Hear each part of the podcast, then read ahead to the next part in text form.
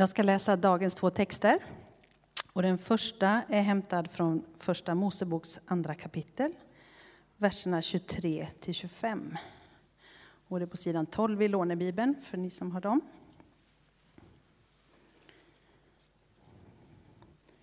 Då sa mannen, den här gången är det ben av mina ben, kött av mitt kött. Kvinna ska hon heta, av man är hon tagen. Det är därför en man lämnar sin far och mor för att leva med sin hustru och de blir ett. Både mannen och kvinnan var nakna och de kände ingen blygsel inför varandra.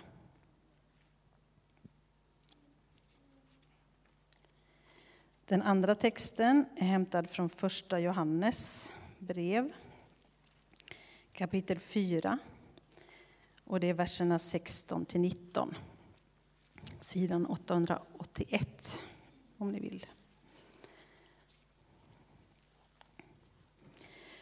Och vi har lärt känna den kärlek som Gud har till oss och tror på den.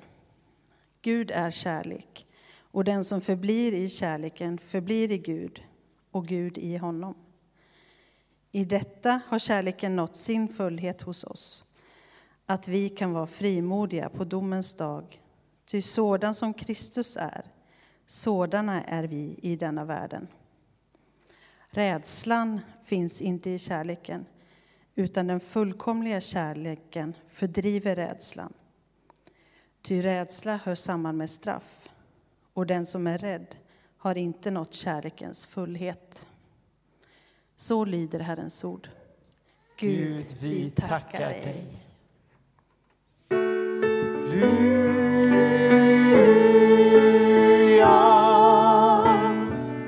Hallelujah.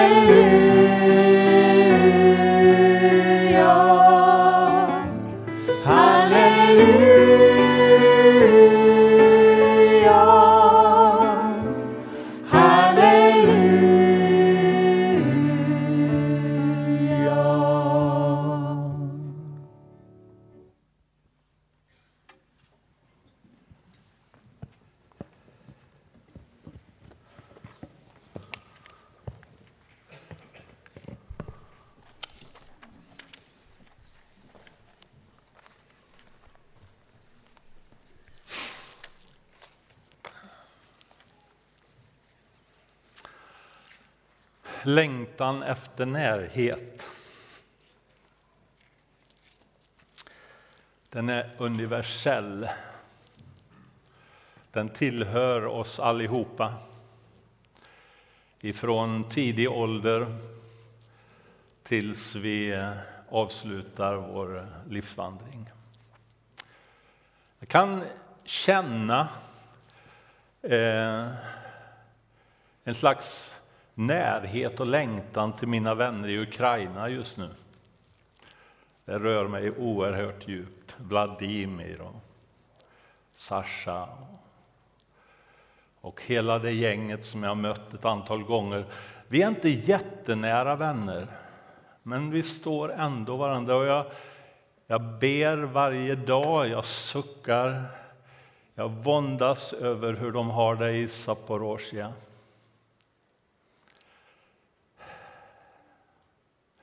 Vänner och närhet formas på så många olika sätt. Jag och Kristina vi har funnit vår närhet. Vi har en dotter. Hon har också funnit en liten familj där närheten tar sig uttryck. Deras lilla tvååring söker sig upp i knät Eh, hon var förkyld alldeles för några dagar sedan och kröp ännu närmare och liksom ville ha del av mammas och pappas trygghet och närhet. Vår vän Emmy, som vi har haft i vårt hem under sju år. En vingbruten fågel som vi fick under, ursäkta, under vi, våra vingar. Helt oplanerat. och som naturligtvis utifrån sin situation eh, behövde allt. Hon hade behandlats på ett, ett eh, vidrigt sätt i sin uppväxt, i sitt hem, i sin kontext. Där alla dimensioner av mänskligt liv var på något sätt förött.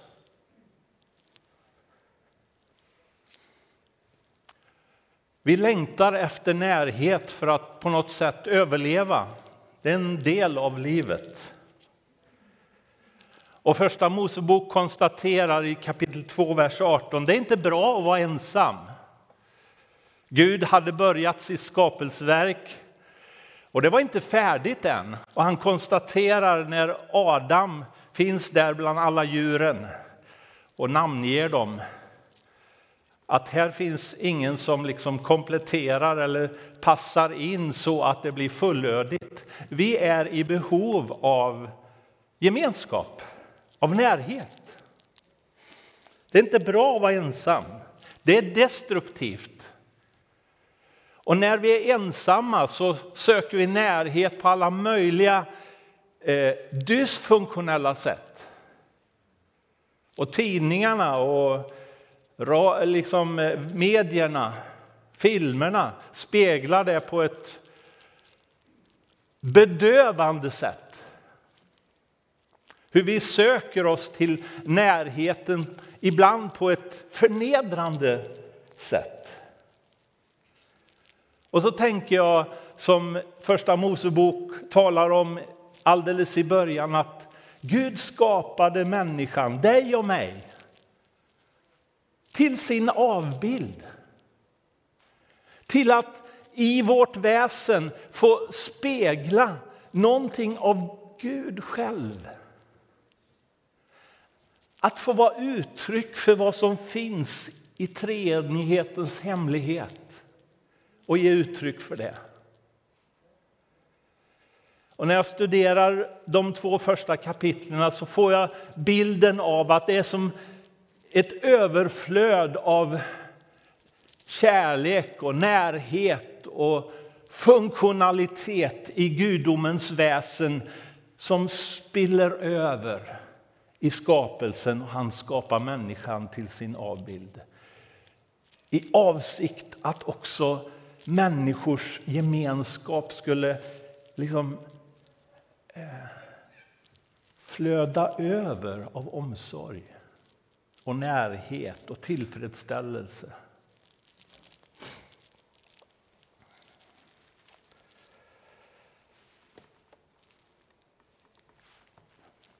Hela skapelsen är så designad att relationer är vårt livssammanhang.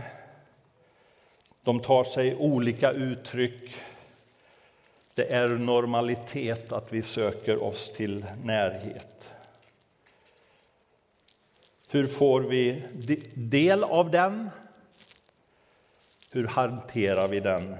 Är nog frågor som vi alla på lite olika sätt ställer oss eller har ställt oss. Det är lite paradoxalt och intressant kan jag tycka då att eh, en av 1900-talets huvudfåror i filosofin är existentialismen. Som säger att ensamhet det är människans yttersta vara.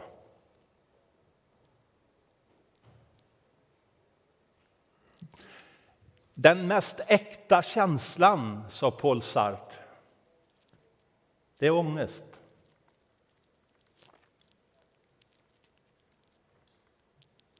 Jag säger, det är lögn. Vår ensamhet, vår längtan är ett tecken på att vi hör hemma, att vi är skapade för gemenskap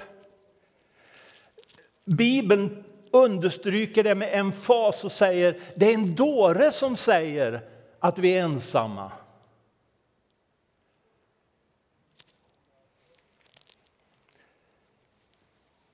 Guds närvaro är utgångspunkten för hela Bibelns tänk om våra liv. Och när jag bläddrar fram psalm 139 så börjar ju den... Ja, en del kan säkert ta den som att Gud skulle vara någon slags eh, kontrollant med polisens öga. Men salmen säger och utgår ifrån, vill jag påstå, ifrån att Gud har en långtgående omsorg. Herre, du utransakar mig och känner mig. Om jag står eller sitter vet du det, fast du är långt borta. Vet du vad jag tänker? Inte som kontrollanten, utan därför att säga, kära vän, du är inte ytterst ensam. Du är känd, du är sedd.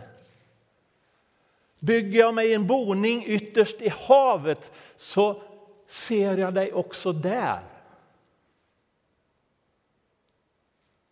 Etikprofessor Louis Smeeds han sa vid ett tillfälle eh, med tanke på komplexiteten i människans brottningskamp, brottningskamp med skam och skuld så säger han människan behöver ett djupt möte med Guds nåd.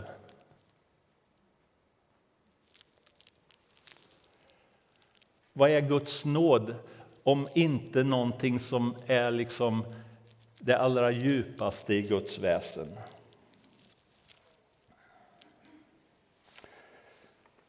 Vi är inte ensamma.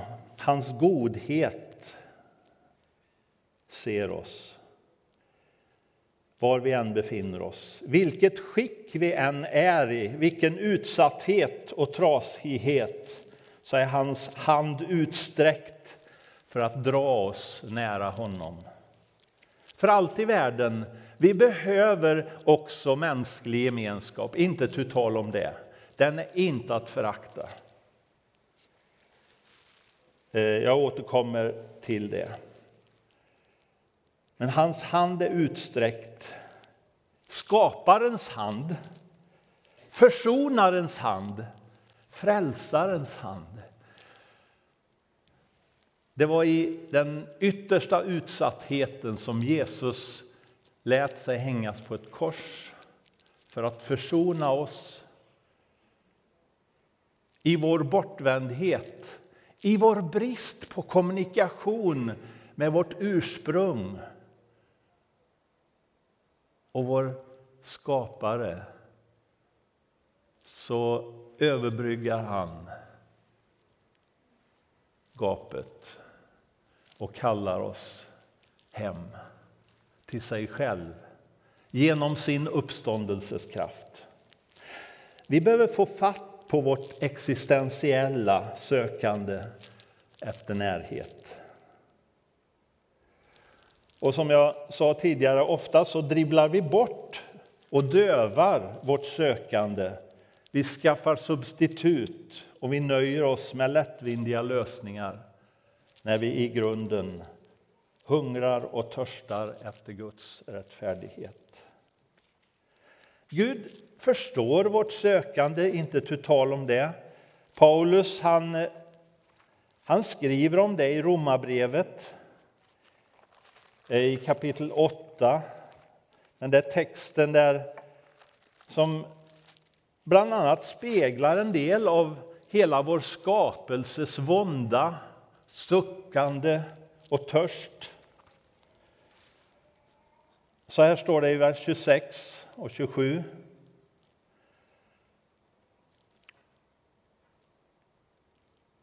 Eh, på samma sätt är det när Anden stödjer oss i vår svaghet. Vi vet ju inte hur vår bön egentligen bör vara, men Anden vädjar för oss med rop utan ord. Och han som utforskar våra hjärtan vet vad Anden menar eftersom Anden vädjar för de heliga så som Gud vill. Och jag tror att det är så här att, att sen det som vi kallar för syndafallets dag så är det som att det finns någonting som går genom hela vår själ av törst och suckan och vånda och sökande. Och på något sätt så kommer vi att påminnas om den där trasigheten ända till dess vi möter ansikte mot ansikte. Men mitt i den här världens trasighet och suckan så kallar Gud oss till sig själv.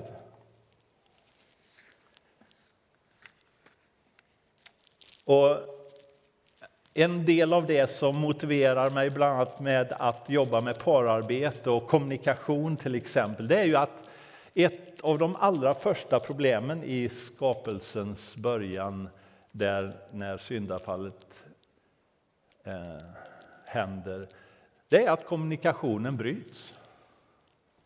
Människor, människorna vänder Gud ryggen. Det, det blir ett kommunikationsgap. Vi förstår inte varandra, vi pratar förbi varandra, vi, vi försöker att betvinga varandra, vi försöker med makt och ibland med manipulation och vi håller på. Och en av de svåraste konsterna, fast de, det kanske skulle kunna beskrivas som väldigt enkelt, det är lyssnandets konst. Att faktiskt lyssna in varandra. Var befinner du dig just nu? Vad händer i ditt liv? Vem är du? Vad är det som bråkar hos dig? Vad är det du längtar efter? Hur har du det? Kommunikationens konst. Och så söker vi oss till olika saker, olika relationer. Parsamheten är en av dem.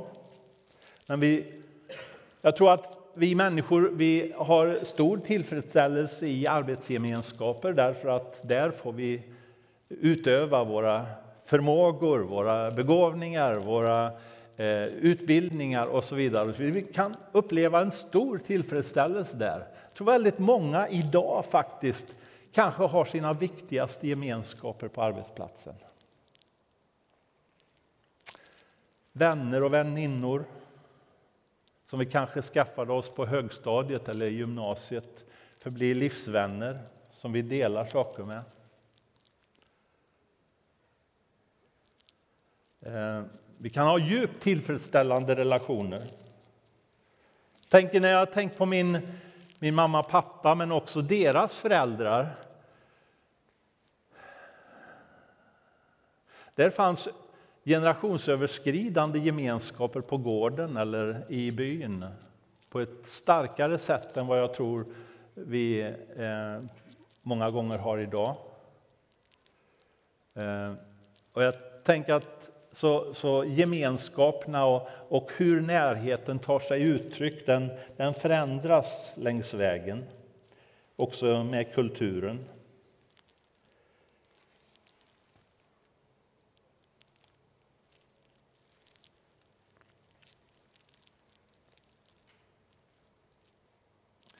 Sen ser jag i nya, i, i, när jag läser Bibeln, om jag bara hoppar ner i ett par andra relationer som, som är ganska intressanta. Det är eh, till exempel eh, David och Jonatan. Eller Rut och Nomi. Det är gemenskaper i väldigt hög grad utifrån två ganska tragiska situationer där två människor söker sig nära varandra för att få en slags trygghet och samhörighet, sammanhang. mitt i en utsatthet. David var ju jagad av eh, Jonatans pappa Saul. Eh, och Jonatan blev en, en vän som var kärare för honom än hans eget liv, säger han. Så stark vänskap. Så mänsklig gemenskap kan få oerhört starka band och, och fylla eh, någonting väldigt viktigt. För Rut som hade mist sin make eh, följer med sin svärmor till främmande land. För svärmor utgjorde uppenbarligen en, en väldigt stark trygghet för henne. Närhet. Så mänskliga gemenskaper, eh, vi behöver dem. Och jag skulle vilja säga, sök och skapa sådana. Och hur gör du det? Börja först och främst genom att lyssna väl. Lär dig att lyssna väl och lär dig att ställa några bra frågor. Det är två små tips. Och så äktenskapet. Texten som vi läste den hamnar i det som kallas för äktenskapets instiftande. Och så finns det en liten passus där i slutet och de blygdes inte för varandra. De skämdes inte. Det var en gemenskap utan skam. Alltså uppenbarligen så fanns det en väldigt öppen kommunikation. Det fanns inte några hinder, några känslomässiga skamhinder där.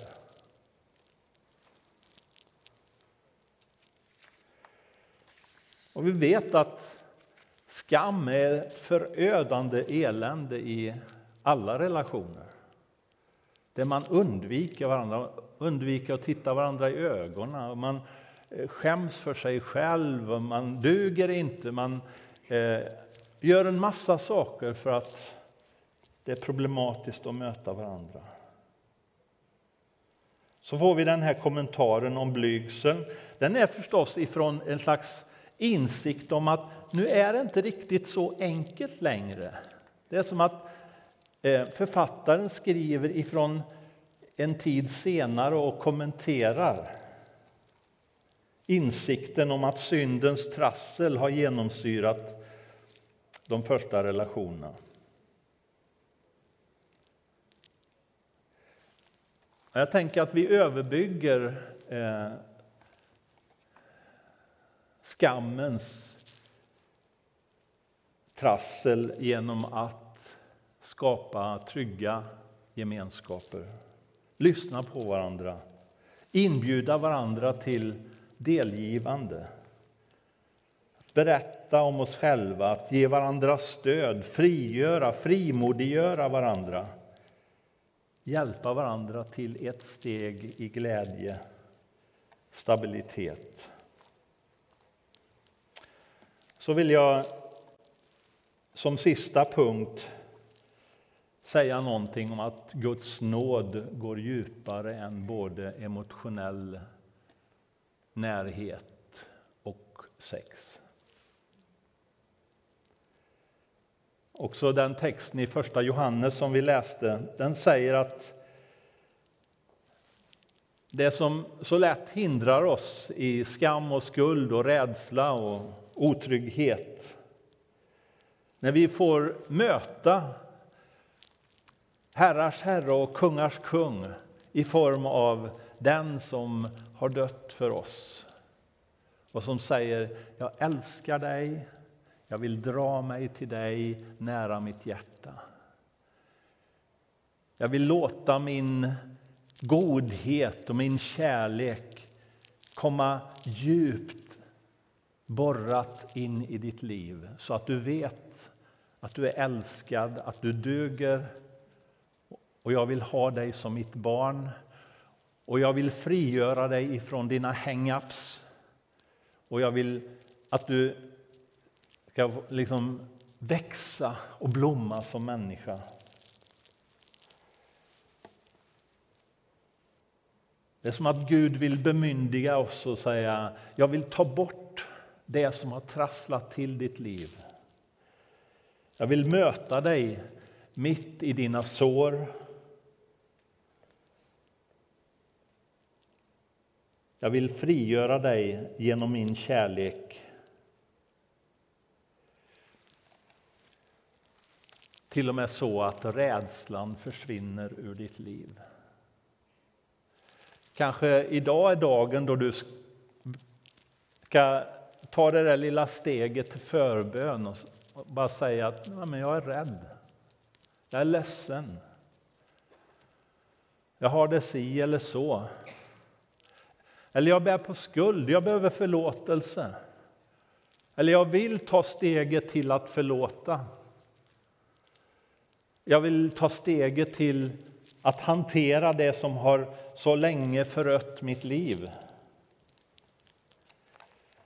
Daniel, du ställde frågan om, om förväntan. Ibland så tänker jag att våra förväntningar på mänskliga relationer kan vara lite stora. Till exempel att församlingen ska fixa allt för mig så att jag ska må bra eller vad det nu kan vara. Men jag tänker vi behöver kasta oss på vår Herre och Frälsare med hela vårt hjärta och med hela vårt liv och säga Gud, förbarma dig över mig. Kom med din nåd och gör ett nytt verk också i mig. Amen.